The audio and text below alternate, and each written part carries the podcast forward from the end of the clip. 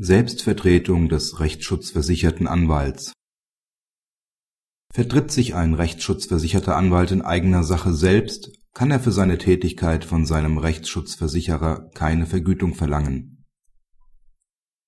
Der Kläger hatte sich als Rechtsanwalt in eigenen Sachen vertreten.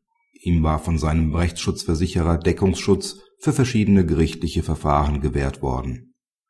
Nach Abschluss der Verfahren rechnete der Anwalt für seine Tätigkeit die Gebühren und Auslagen nach dem RVG ab und reichte diese Rechnungen bei seinem Rechtsschutzversicherer ein.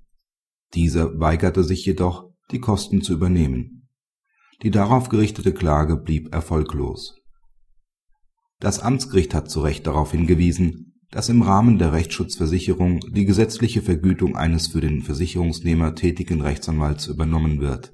Daran fehlt es aber bei einer Eigenvertretung Vertritt ein Anwalt sich in eigener Sache selbst, so mangelt es bereits an einem Anwaltsvertrag, der begrifflich zwei Personen voraussetzt.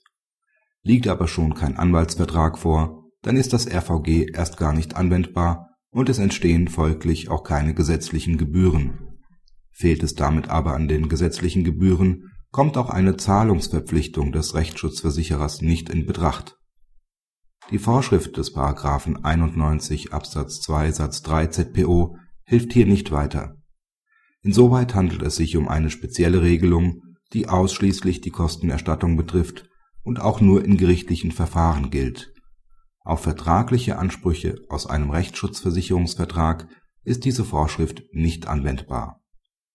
Auch besteht im Rahmen der Versicherungsbedingungen kein Anspruch auf Ersatz allgemeiner Aufwendungen Ebenso wenig wie eine andere Privatperson aus der Rechtsschutzversicherung Kosten für Zeitaufwand etc. verlangen kann, steht auch einem Anwalt ein solcher Anspruch nicht zu. Von dem Rechtsschutzversicherer zu übernehmen sind im Falle der Eigenvertretung eines Anwalts daher nur die Gerichtskosten sowie eventuelle an die Gegenseite zu erstattende Kosten.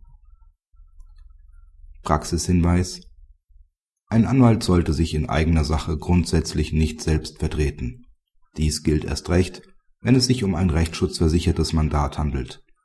Erteilt der Anwalt das Mandat einem Kollegen, dann fällt dessen Vergütung unter den Versicherungsschutz und wird vom Rechtsschutzversicherer übernommen